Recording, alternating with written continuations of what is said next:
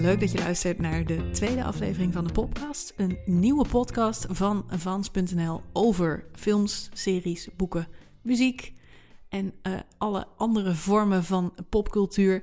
Um, ik zit hier wederom met mijn co-host Johan Voets. Hallo. Goeie, goedemiddag, goedenavond. Goedemorgen. En uh, vorige aflevering hebben we het gehad over romcoms en Bridget mm. Jones in het bijzonder. Deze week gaan we het over een hele andere uh, uh, ja, vorm van entertainment hebben. En dan gaan we het hebben over de ja, hitserie van Netflix. De nieuwe serie die in zijn geheel gereleased is afgelopen maand, Narcos. Okay, let me break it down for you. 4,000 soldiers, tens of thousands of rounds fired, and a bunch of fucking helicopters. There was no way Pablo Escobar was getting out of this one. Right? Con su permiso.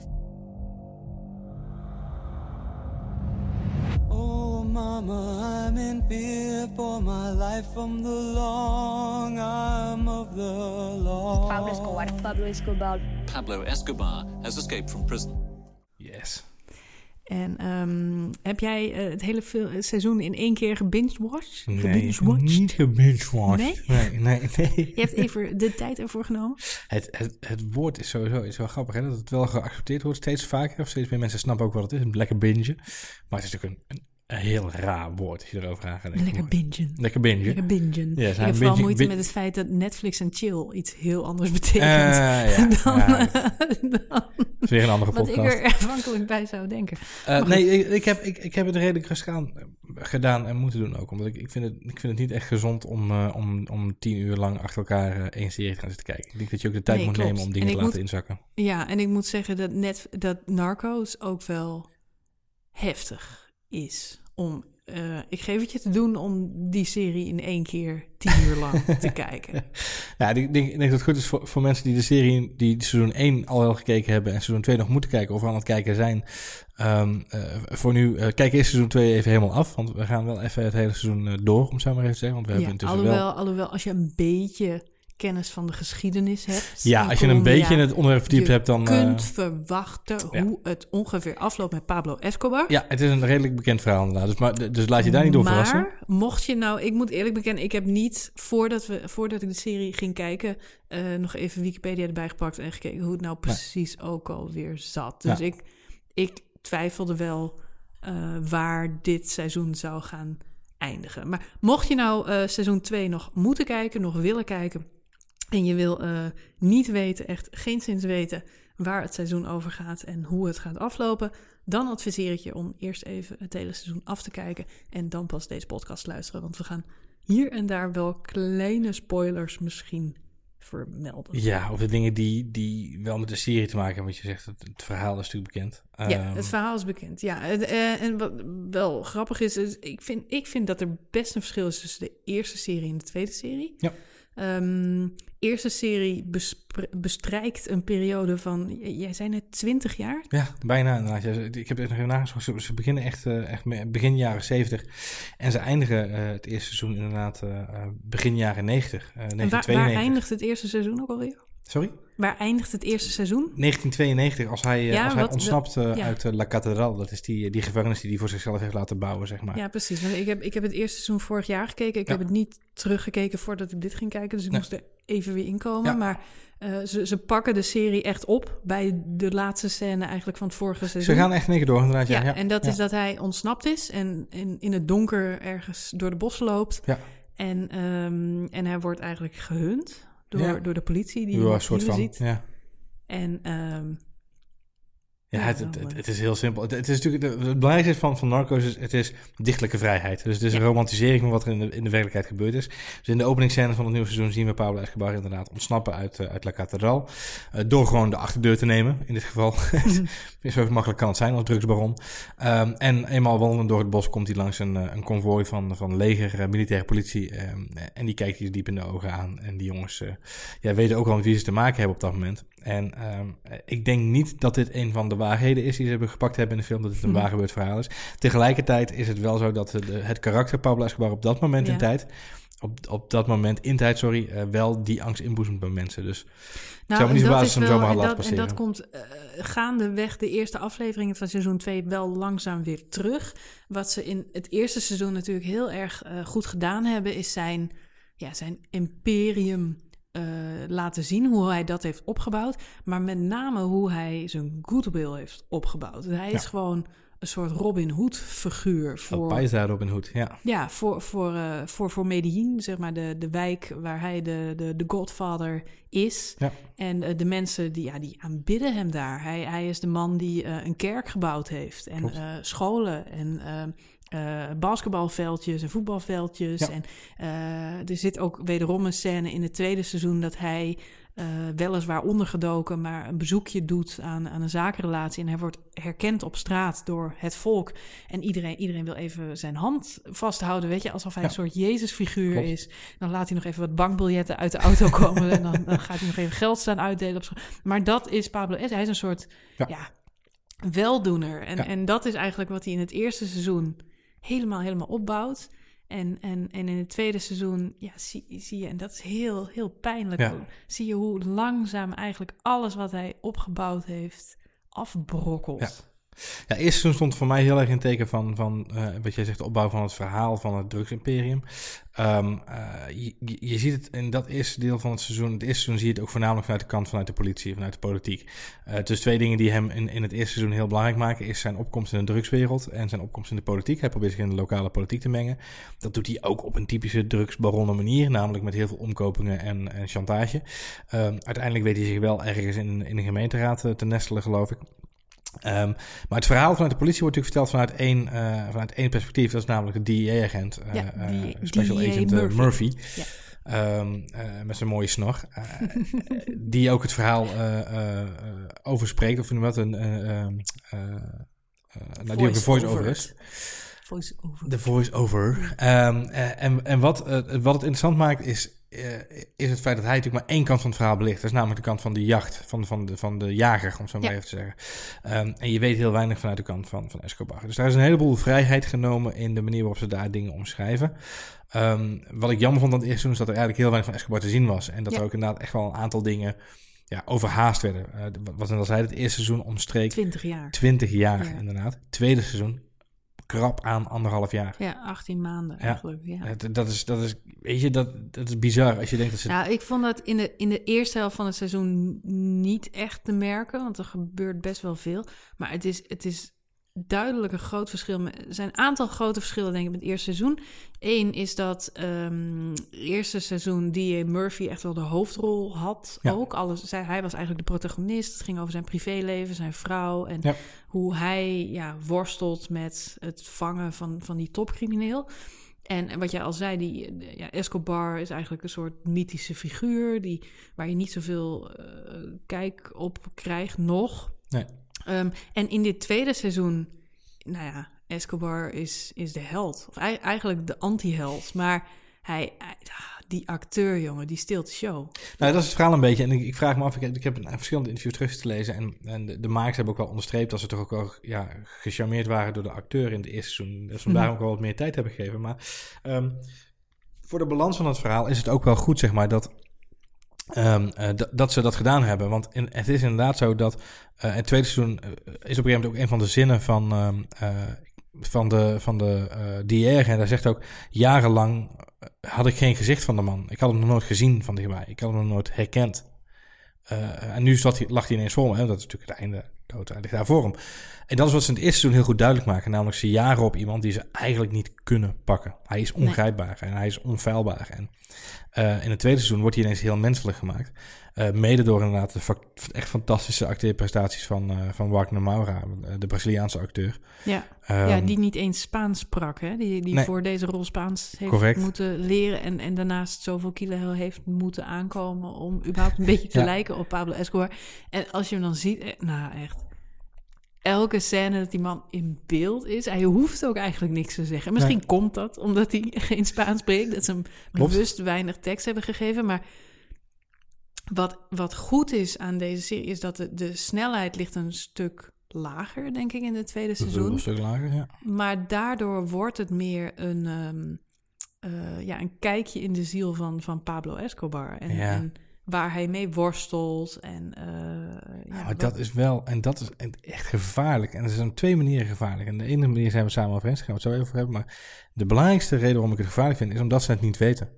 En dat is ook gebleken. De zoon van eh, Pablo Escobar, gewoon Pablo, die nog leeft, heeft intussen een andere naam. die nog leeft, die net zo oud is als jij en ik. Die net zouden jij inderdaad. Ja, maar die, die dus inderdaad de hele zo situatie. Ja, maar die hele situatie overleefd heeft inderdaad. Ja. En, en Ja, die nog leeft, die nog mag leven van de, de, de andere kartels. Zijn zeg maar. vrouw en zijn dochter en zijn zoon, eh, die leven nog steeds. Ja, die mochten vertrekken. Eh En, is een leuke site. niet meer in Colombia. Leuke, leuke site. Nee, ze wonen in Argentinië tegenwoordig. Argentinië mevrouw, mevrouw, mevrouw Escobar is tegenwoordig makelaar.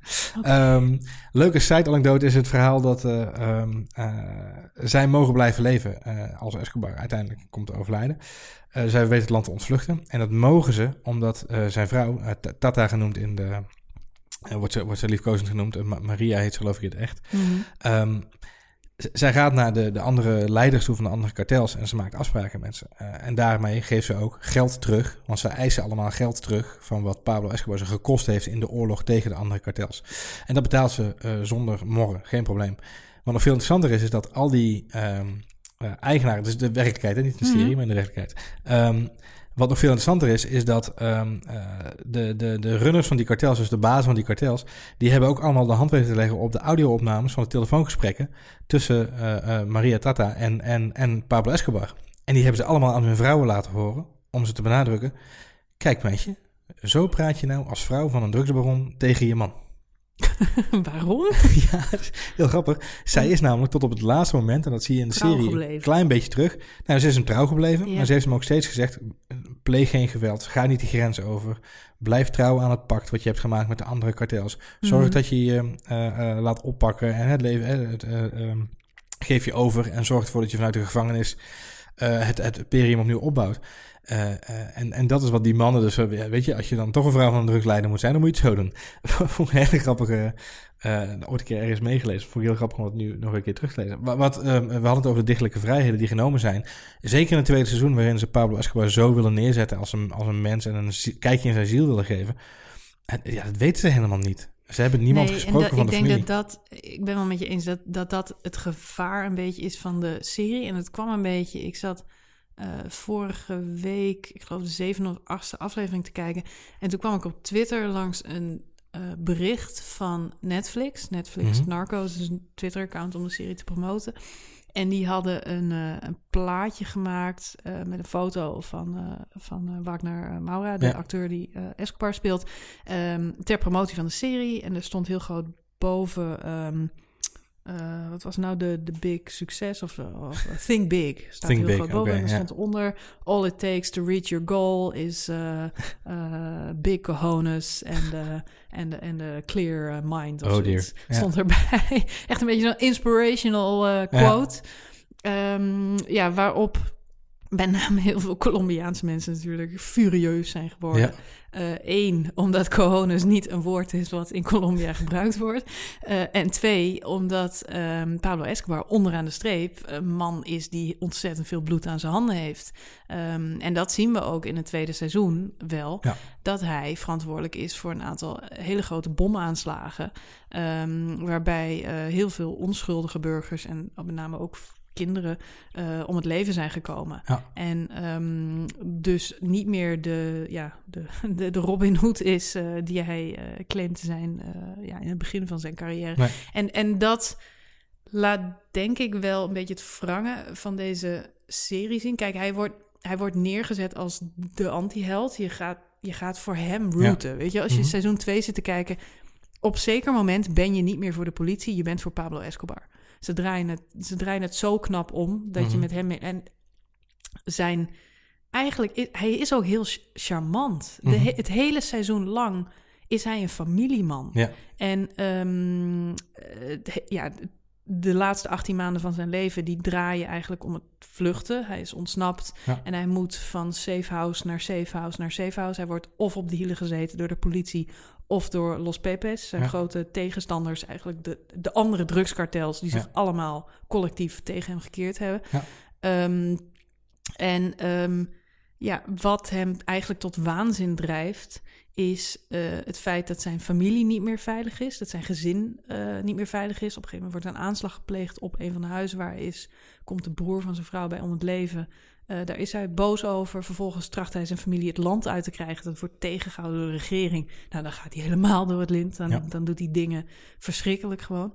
Ehm, maar goed, het moeilijke is, kijk, als je een film als The Godfather zit te kijken, dan weet je, het is gebaseerd op, op dingen die zich echt voltrokken, maar Mhm. in wezen is het fictie. Ja. En wat het moeilijk is aan deze serie, is dat het, het is echt gebeurd. Ja. En het ligt nog in het vrij recente geleden. Dit speelt in 1992, 93. Dat, hè, j- jij en ik, we waren er. Ik heb Het geeft een bewust geeft meegekregen een complete disconnect in je buik inderdaad, ja. ja. Nee, ik was, ik was 11 of 12. dus Ik, ik heb dat niet bewust meegekregen. Maar, en dat vind ik trouwens ook grappig. En Ik vind het fantastisch, fantastisch hoe hij gekleed is Mhm. in, in dit seizoen. Hij heeft van die lullige Benetton truien aan. Die echt...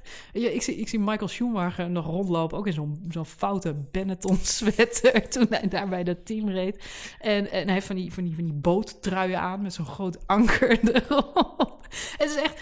Het is gewoon een hele lieve familieman. Ja. Met, een, met een snor. Die, die gek is op zijn vrouw en op zijn kinderen. En hartstikke lief eigenlijk hoe Ja. hij hun beschermt. En je zou het bijna ehm, ja, normaal vinden krijgen, dat hij de ja. dingen doet die hij doet om zijn familie maar te beschermen. Ja. En dat, dat is wel een gevaar. Want Ja, dat is een was- zeer groot gevaar. En wat, wat ik dus grappig vond, dat is een beetje het verhaal dat ik net, net naartoe aan het weg was. Nou, dat zijn zoon dus nu gereageerd heeft op Facebook, of all places.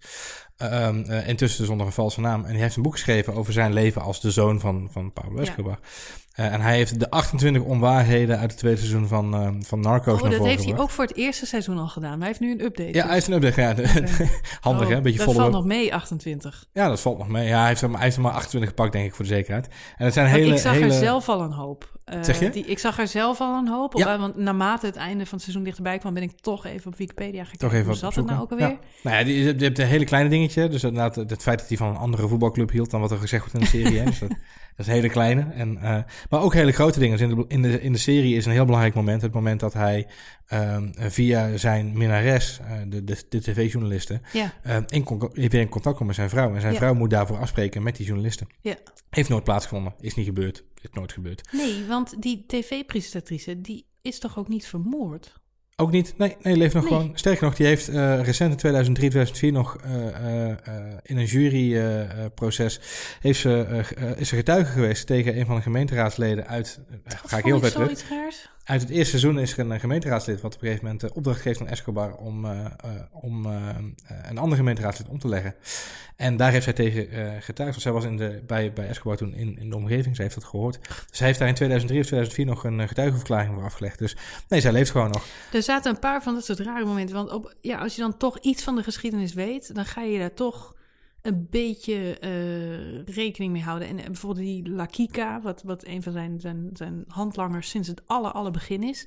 Ehm, ja, daar google je toch, toch ook even naar. Die, die- die- ook dat is gebaseerd, hij is gebaseerd op een echt personage die echt bestaan heeft. Maar hij is ooit gearresteerd in New York. Klopt, ehm, eh, toen hij daar eh, eh, voor smokkelbusiness ja. ook was. En hij zit gewoon levenslange straf uit op Klopt. dit moment. Helemaal niks moord of wat dan ook. Tien dus er worden best wel ja. wat karakters vermoord aan het eind van eh, het tweede seizoen.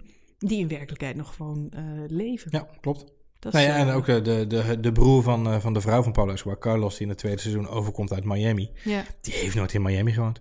Dus Oké. dat is ook zo'n grappig dingetje. Oké, nooit gebeurd. Eh, die bom op het huwelijk, nooit gebeurd. Weet je, Nee? dat was eh, volgens eh, de zoon van Pablo Escobar was het eh, een van de laatste ehm, dingen waar zijn vader zich nog aan vastklampt, was inderdaad het, het trouw blijven aan het kartel. ja. En aan de afspraken die hij gemaakt had. Dus, de, dus ja, dat zijn toch wel opvallende dingetjes als je kijkt naar de dichtelijke vrijheden Nou, die is het genomen zijn. natuurlijk wel de vraag in hoeverre de zoon van Pablo Escobar, die was toen 12 of 13 of zo toen dit allemaal gebeurde, in hoeverre hij weet heeft van. Ja, maar de vraag is of hij het meer heeft dan de schrijvers van het script. En ik denk dat dat wel het verhaal is. Want het andere anekdote is namelijk dat de broers van eh Escobar, als ik goed heb gelezen, ik geloof zijn broers, ehm, die, die hebben altijd aangegeven van we willen als adviseur aan boord komen bij, Mhm. de, bij de film. Dan willen we gewoon wel het script van tevoren gelezen hebben voordat het gemaakt wordt. En daar heeft, hebben scriptschrijvers zin nooit op gereageerd. Nee. Dus ehm, weet je, het is ook, ja, Ja, ze nemen, ze nemen erg veel vrij. Wat een van de dingen die, die mij opviel is dat eh, Pablo Escobar stond ook bekend als eh, bijvoorbeeld iemand die veel vreemd ging, die veel relaties had. Nou, dat is iets wat in het eerste seizoen nog een beetje wordt uitgewerkt met die tv. eh, Die journaliste, klopt, waar ja. hij kortstondig een affaire mee heeft. Die komt heel even terug in dit seizoen. Eh, dan geven ze elkaar een dikke knuffel, maar that's about it.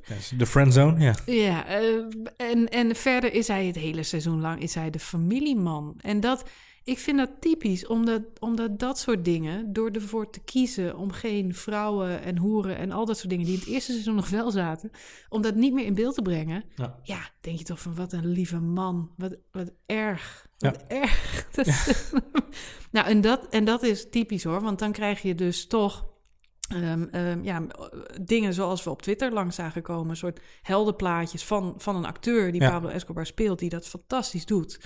Ehm, en mensen die dat gaan verheerlijken, alsof Klopt. hij een soort Marlon Brando is, de Godfather, die, ja, de, de anti-held. Het vreemde is dat het nog steeds. ehm, eh, ik heb eh, toevallig vorig jaar van de zomer een aantal ehm, eh, boeken gelezen. En veel ook over Colombiaanse geschiedenis. Bij toeval ook, dan kom je dus ook, weet je, als je Colombiaanse geschiedenis. als je daar literatuur van gaat lezen, kom je ook langs, langs Escobar on- onderaan de streep. Juan Gabriel Vasquez heeft een aantal romans geschreven, onder andere ook eh, over, eh, over de tijd dat Escobar inderdaad die oorlog voerde. En ook de tijd na Escobar. En, en, en Medellin voor en na Escobar. En wat gewoon heel fascinerend is, is dat eh, het volk daar is er nog steeds niet over uit, zeg maar. Wij zijn er allemaal heel erg over uit. En ik denk dat de gemiddelde de Colombiaan er ook wel over uit is. Maar dat, dat zeg maar, het, het volk wat daar op straat leeft en wat, wat er... Ja, het is nog steeds een soort van 50-50 Toen hij begraven werd, heb ik begrepen, eh 25.000 mensen die daarbij waren. Ja, maar, nou, ja, maar nou, weet je, die man die heeft belachelijk, ja. belachelijk veel geld verdiend met, met drugshandel, maar ook belachelijk, belachelijk veel geld teruggegeven aan de gemeenschap. En, en dat maakt het echt heel taai om, om eh, dus Ja. ik Maar snap goed, het, ik snap goed, het, ze, ik snap doen- het ze wel. pogen wel om het van alle kanten te belichten, want de politie komt er ook niet ongeschonden vanaf in dit Nee, dat is wel grappig inderdaad. En dat is wel eh, in die zin wel prettig seizoen. om... De, de, eh, om- Colombiaanse regering, er zijn ook geen lievertjes, zeg maar. Nee, nee, maar de- het, het was- in alle opzichten een, een vuile oorlog, zal ik wel- om zo maar even zeggen. Dirty Mhm. war. Ehm, omdat zowel de Amerikanen zich natuurlijk mee begonnen te bemoeien. En dat is een beetje de, de opkomst van Los Pepes. eh, natuurlijk gevoed door de Amerikaanse CIA. Die ook een appetitje hadden met de FARC daar in, eh, in, in Colombia op dat moment. Ehm, dus dat is een heel erg interessant aspect. Ik moet zeggen dat dat trouwens wel een van de hoogtepunten van het seizoen was. Sowieso vond ik de eerste helft van het tweede seizoen stukken beter dan de tweede helft. Ja. Ehm, nogmaals, ik geniet echt van, eh, van, van de hoofdrolspeler en hoe hij acteert. Maar de laatste afleveringen zakte Hij is- echt in qua vooral snelheid. Wagner Maura, hè, want die Boyd, hoe heet die? Boyd Holbrook, die... Nee, ja, die speelt, maar die speelt in het tweede seizoen eigenlijk helemaal geen hoofdrol. Of die Sterker nog, zijn, zijn DJ-collega Peña, Ja. die heeft eigenlijk de tweede hoofdrol dit seizoen. Ik, dat is logisch, hè? Maar dat is misschien een, eh, een brugje naar het volgende hoofdstuk. Maar dat is logisch, want Peña gaat in het volgende seizoen nog even door. Die komt namelijk in seizoen 3 weer terug. Dus Ja, dat, eh, en wij zaten, wij zaten eh, de serie te kijken samen en toen zeiden we, waar kennen we die gast nou van? Halverwege het seizoen viel ineens Corrie. Oberyn. Oberyn Martel. Hij Ja. speelt Oberyn Martel in ehm, Game of Thrones. Nou, zoals ik al zei, heeft hij zijn ogen Zelfde nog acteur. inderdaad, ja.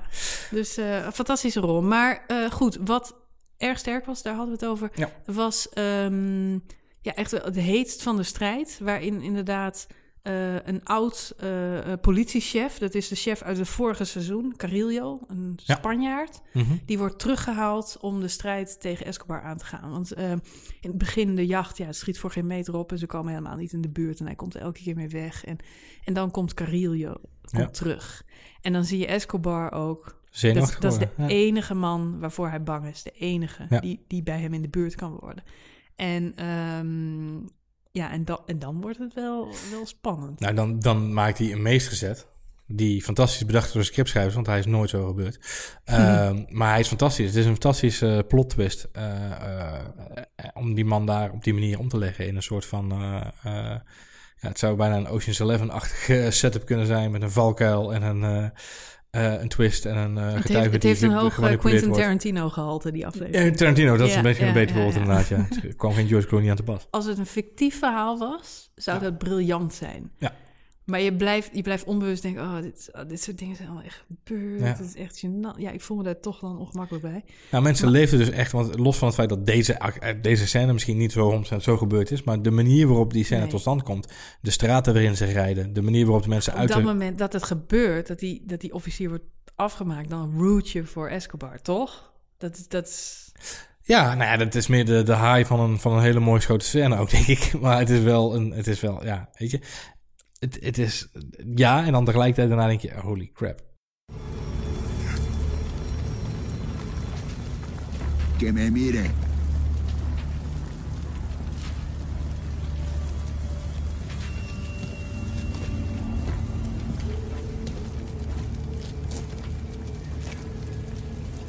Usted le pidió a un niño que me entregara esto.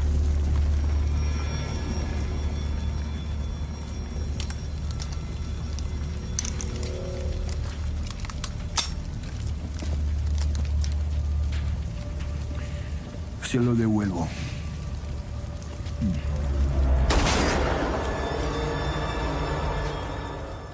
Wat vond jij van de tweede helft van het seizoen, van de laatste afleveringen?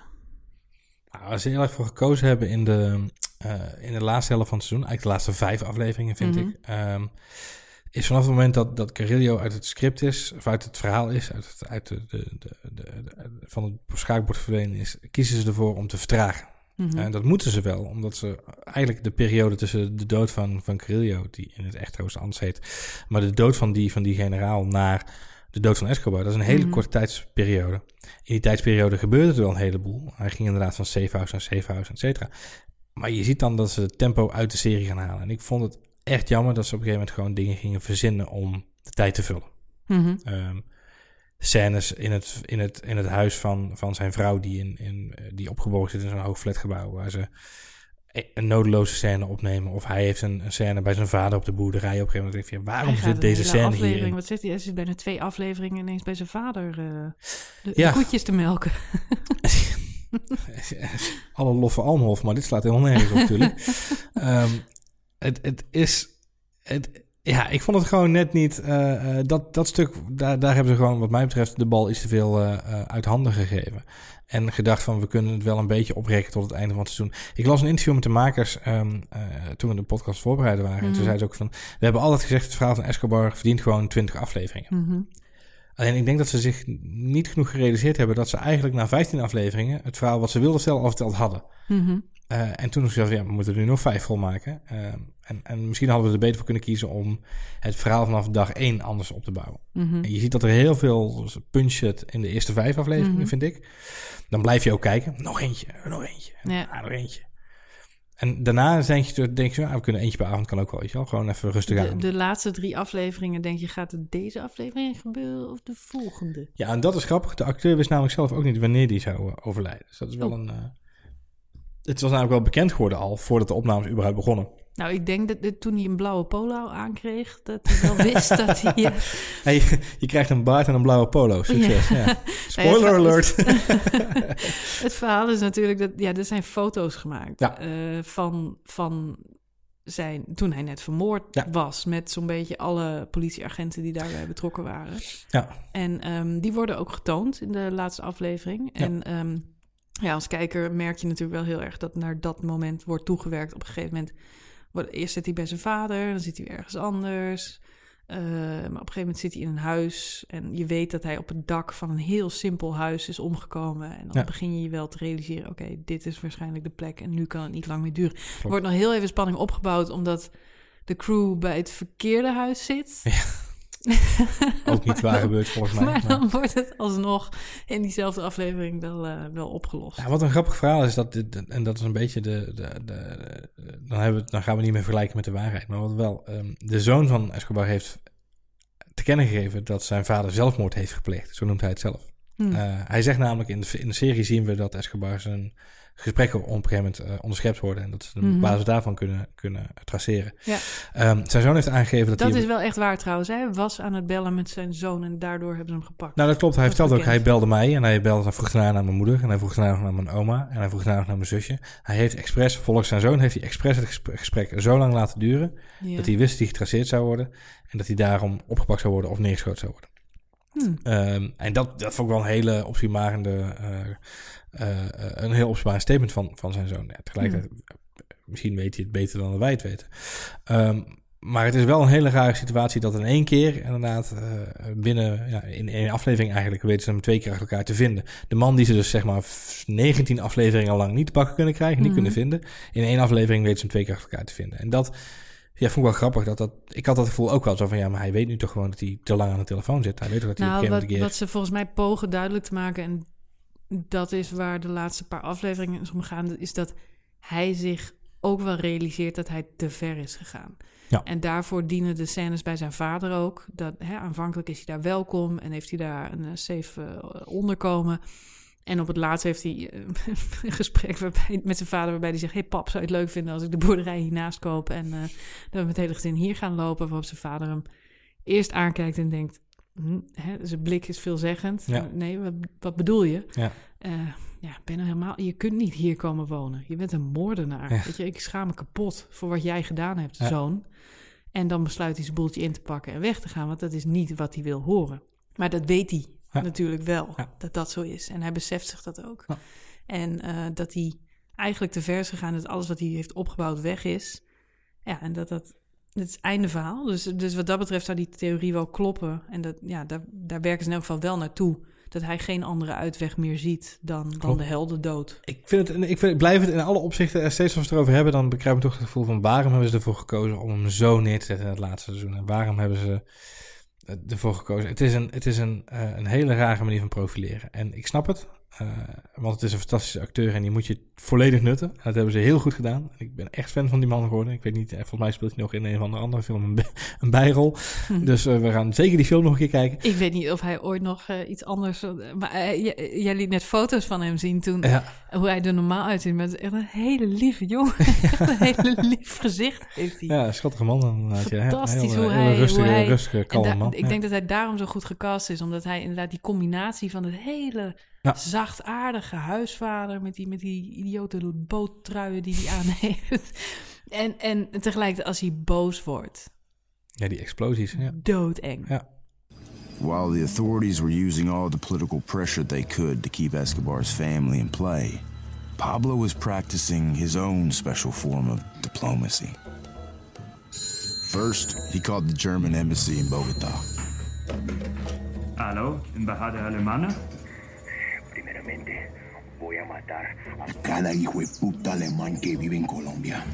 Después, les voy a meter bombas en Frankfurt. En Then, he threatened to bomb a couple of Lufthansa planes.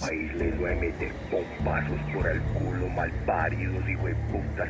Nazistas, racistas, gonorreas, los voy a matar a todos. O yo, los voy a matar a todos. Then he dialed up President Gaviria, who couldn't take the call. Ehm, volgens mij eind van het seizoen, of liever gezegd voordat het tweede seizoen uitkwam, heeft Netflix al bekendgemaakt. Er komt een Tja. derde en zelfs een vierde seizoen Ja. van Narcos. Ehm, dat zette mij wel even op het verkeerde been, omdat ik dacht van, eh, oh, gaat dit dan nog zo lang eh, duren? Wat ik al zei, ik heb het niet van tevoren opgezocht hoe de, eh, ja, de, de, de, de geschiedenis ook alweer in elkaar stak. Dus, Mhm. ehm, maar goed, Escobar is niet meer. Nee. En in de laatste aflevering wordt nog wel keurig even het voorzetje gegeven voor eh, hoe het verhaal verder gaat. Ja, dat is gewoon een lege goal inderdaad. Ja. Er wordt gewoon eh, nog even een balletje kapot klaargelegd. Ja, het, het, het Cali-kartel, het, eh, het Cali-kartel, wat in, in ja, Cali zeg ik altijd gewoon, wat in het laatste seizoen al naar voren komt, hè, als de, de, de financiers van Los Pepes. Daar gaan ze nu mee verder. Makers van, van de serie hebben in een interview na de screening van het, eerste, van het tweede seizoen ook al gewoon keurig aangegeven van, joh, ja, balen van Escobar, maar de serie heet Narcos en niet Escobar. Ehm, dus het is altijd onze intentie geweest om Ja, verder te gaan ja, dan ik dit. Vind, ik vind het toch een beetje, het is als House of, House of Cards verder gaat zonder Frank Underwood. Ja, ja, dat zou inderdaad een hele rare... dat vind ik Zo voelt het een beetje. Hij staat zo groot op alle promomateriaal. Ja. Hij is Narcos. Ik ben heel benieuwd, inderdaad, eh, als je het hebt over promomaterialen en het positioneren van de serie in de seizoen. Want ik, om, om het verhaal rond te maken, wat ze dus willen gaan doen, wat ze ook hebben aangegeven, is het verhaal van de drugswereld, van de narco's, eh, waar het over gaat. Hè, de, de- de, mensen die de, drugswereld eh, laten runnen. Ehm, dat houdt niet op, zeggen zij. Eh, van Cali gaan we naar Mexico. Van Mexico, eh, daar blijven we nog wel even voorlopig, want daar zit nu op dit moment het, het epicentrum van de drugs, de war on drugs, om zo maar even te zeggen, zoals die Amerikanen het kunnen omschrijven. Ehm, dat is waar ze zich op gaan richten, seizoen 3 en 4. Ik weet niet of ze in seizoen 3 al gelijk dat hele Cali-kartel eruit gaan, gaan jakkeren. Want in principe, het verhaal rondom het Cali-kartel, dat is midden jaren 90 tot eind jaren 90. Een beetje is dat hun hoogtijdagen. En ik, ik weet Ik ben, ik ben heel benieuwd hoe ze een nieuw... eh, ja, hoe ze een nieuwe protagonist gaan. Weet je, Escobar is niet meer. Dat, dat is de man.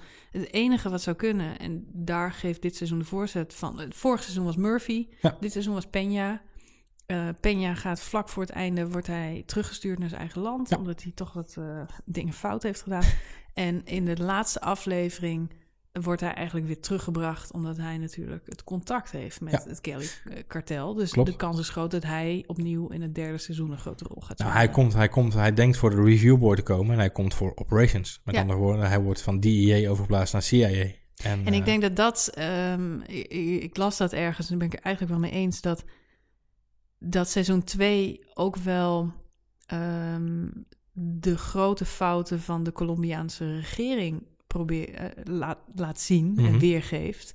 Ehm, doordat je eigenlijk, je bent een, kijk in het eerste seizoen weet de politie nog niet zo goed hoe ze ermee om moet gaan, weet de politiek nog niet hoe ze met Escobar om moeten gaan. Ze, ze, ze, ze zetten hem in de gevangenis in zijn eigen resort, weet je wel? Hij, hij woont gewoon in een luxe paradijs en eh, ze hebben geen idee. Tweede seizoen hebben ze een, een politiebureau, wat zeg ik, een soort militaire academie ingericht met één doel.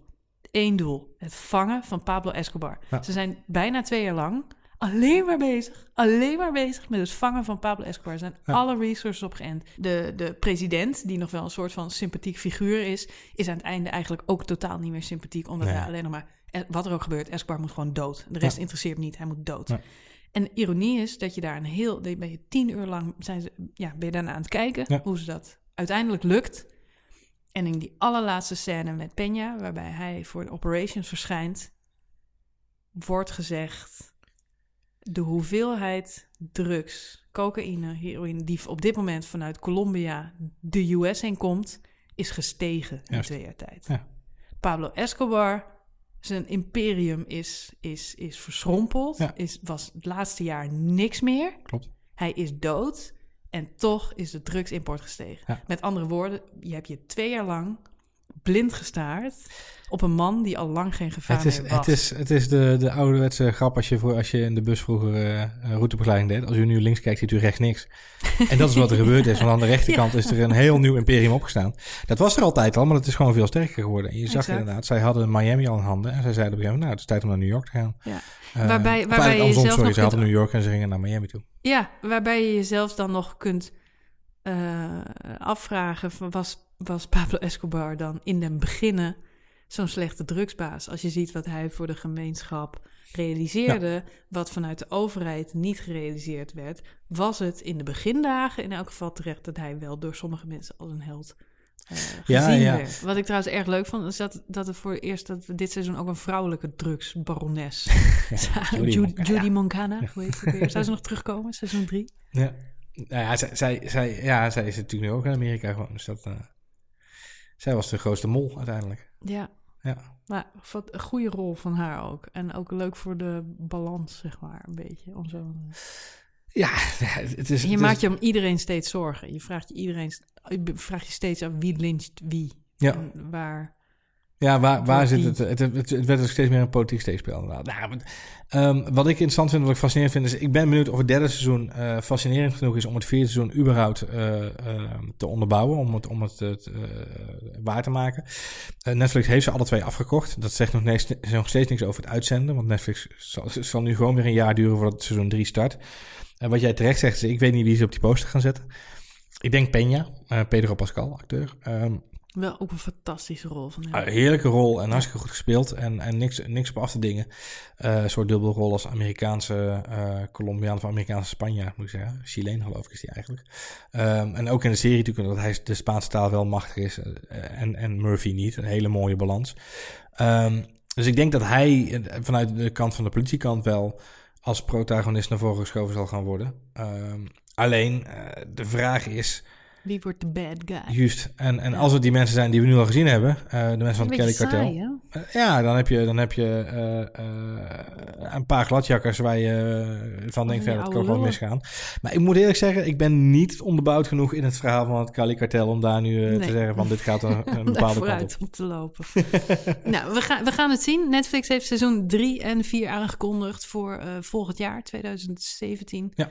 En 2018 wachten we gewoon even af. wachten Ja. we gewoon even af eh, of dat eh, dan eh, weer de moeite waard is. Seizoen 2 kan ik in elk geval van harte aanbevelen. Zeker. Ehm, Wij kijken uit naar de Grammy naar de, naar de Golden Globes dit jaar. We gaan, Sorry? We gaan, we gaan uitkijken naar de Golden Globes Ja, we gaan jaar. uitkijken naar de Golden Globes. Eh, Wagner Maurer heeft geen Emmy Nee, gewonnen. nee, geen enkele Emmy voor Narcos. Nee. Nee. Dat is toch opvallend, Ja. want het, is- nou, ik vond het toch echt wel een hele goede rol eh, van hem. Eh, wie weet een, eh, een Golden Globe dat ze daar nog uh, hoger Vorig jaar genomineerd, dit jaar hopelijk weer. En misschien pak je hem dit jaar wel. Nou ja, dit jaar is zijn rol in elk geval stukken groter. Dus eh, het zou mij eh, niet verbazen als hij een, Fingers crossed. in, Ja. de, in de wacht sleept daarvoor. En ik hoop dat we hem ook gauw in, in andere dingen gaan zien. Ja. Want ehm, ik vond deze rol in elk geval erg geslaagd van hem. Ehm, seizoen 2 van Narcos staat nu op Netflix in zijn geheel. 10 uur lang, 10 afleveringen. Gaat dat zien als je dat nog niet gedaan had. Ehm, het einde is bekend, maar dat maakt de serie niet eh, minder spannend. Want het is een eh, ontzettend spannend eh, ja, historisch drama gebaseerd op, eh, op echte dingen die nog niet zo heel lang geleden gebeurd zijn. Ehm, dit was de tweede uitzending van de podcast. Hartstikke leuk dat je geluisterd hebt. Wil je nou reageren op deze uitzending? Dan kan dat natuurlijk. Ehm, dat kan via de Twitter-account van eh Vans NL of eh, via onze Facebookpagina Vans NL of eh, gewoon in de comments op vans.nl. Mag ook gewoon. Of je reageert naar Ed Johan Voets. of Ed Marjolein. Dank voor het luisteren en graag tot volgende week.